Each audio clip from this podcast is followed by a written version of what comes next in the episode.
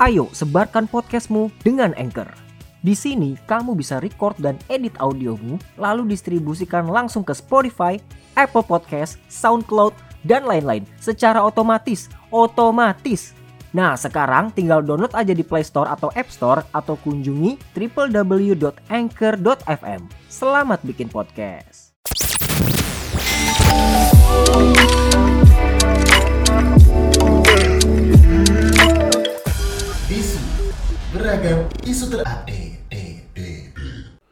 Selamat datang kembali di Bisu.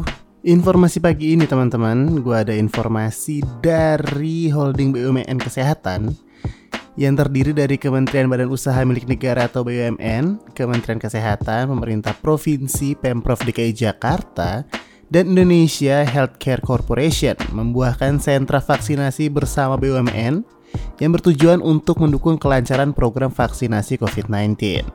Jadi di tahap awal ini, sentra vaksinasi bersama digelar di Istora Senayan dan dibuka pada hari Senin 8 Maret kemarin, teman-teman. Untuk kali ini sasarannya itu kalangan lansia dan pelayan publik. Dan untuk kali ini kesempatan juga dibuka bagi para lansia di luar KTP DKI Jakarta. Jadi pendaftarannya ini bisa dilakukan lewat loket.com mulai hari Selasa 16 Maret. Sistem daring sengaja dipilih agar proses vaksinasi para lansia yang memiliki KTP non DKI Jakarta dapat dipantau secara efektif dan efisien teman-teman. Karena selain itu, penumpukan dan kerumunan di lokasi sentra vaksinasi bersama BUMN ini juga bisa dikurangin teman-teman.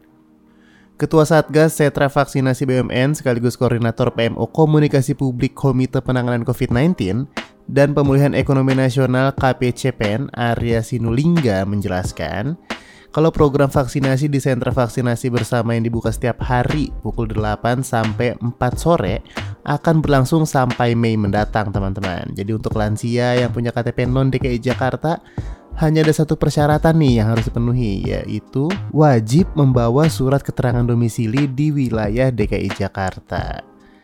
Jadi lansia ini hanya perlu melakukan satu kali pendaftaran untuk mendapatkan satu tiket teman-teman.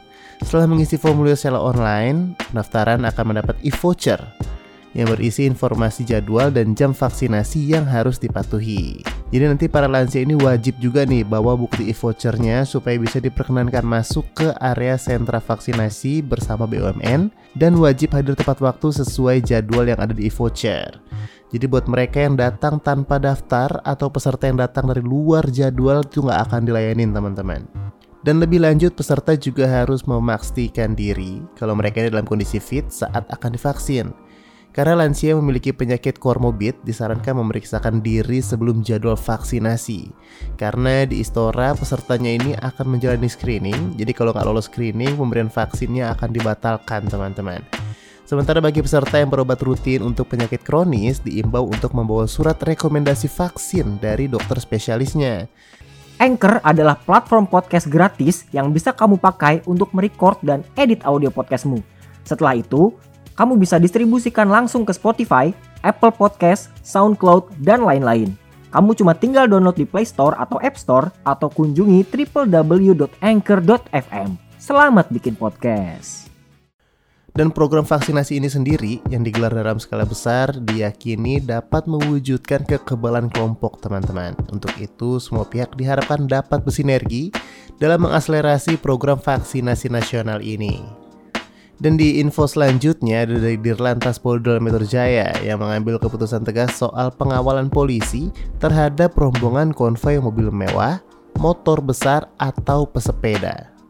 Nah, jadi demi menghindari kecemburuan sosial, teman-teman, polisi dilarang mengawal mereka di jalan nih. Jadi keputusan ini disampaikan oleh Dirlantas Polda Metro Jaya, Kombes Sambodo Purnomo Yogo. Ini bisa jadi merupakan reaksi terhadap aksi mobil Porsche yang ugal-ugalan saat melakukan konvoi dan mendapat pengawalan di Sub. Emang nggak bisa dipungkirin ya teman-teman ya kalau selama ini kepolisian ini memang kerap melakukan pengawalan pada konvoi mobil mewah, rombongan motor besar sampai pesepeda. Dan gak cuma itu aja nih, beragam aktivitas komunitas motor atau mobil juga kerap dapat pengawalan polisi saat melintas di jalan. Dan hal ini juga sering banget mendapat keluhan dari masyarakat ya teman-teman ya.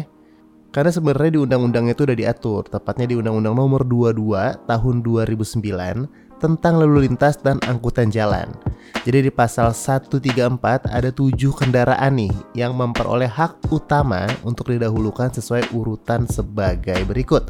Yang pertama ini ada kendaraan pemadam kebakaran yang sedang melaksanakan tugas ya pastinya ya. Lalu di nomor 2 ada ambulans yang mengangkut orang sakit. Terus juga ada kendaraan untuk memberikan pertolongan pada kecelakaan lalu lintas. Ada juga kendaraan pimpinan lembaga negara Republik Indonesia. Nomor 5, kendaraan pimpinan dan pejabat negara asing serta lembaga internasional yang menjadi tamu negara. Terus di nomor 6 ada iring-iringan pengantar jenazah. Dan yang terakhir, konvoy atau kendaraan untuk kepentingan tertentu menurut pertimbangan petugas kepolisian negara Republik Indonesia, teman-teman. Jadi berdasarkan poin-poin itu, kendaraan ini sebenarnya bisa memperoleh hak utama asalkan menurut pertimbangan petugas kepolisian. Apalagi ada juga ditambahin di pasal 135 ayat 1, kendaraan yang mendapat hak utama harus dikawal oleh petugas kepolisian negara Republik Indonesia atau menggunakan isyarat lampu merah atau biru dan bunyi sirine.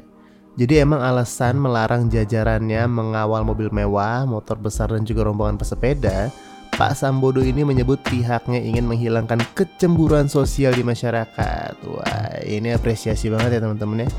Karena emang kadang suka salah digunakan ya untuk pengamanan seperti ini. Kadang cuma buat jalan-jalan aja gitu, entah mau ke puncak, mau keluar kota mana minta dikawal polisi. Ya ada baiknya kalau macet ya kita macet-macetan bareng gitu ya teman-teman ya. Oke kalau gitu sampai sini dulu. Besok pagi ini sampai lagi ketemu nanti sore. Karena di nanti sore gue akan punya informasi tentang polisi yang akan memberikan badge untuk pelapor di medsos. Wah, pasti menarik banget ya teman-teman ya. Kalau gitu sampai ketemu lagi di bisu hari sore nanti.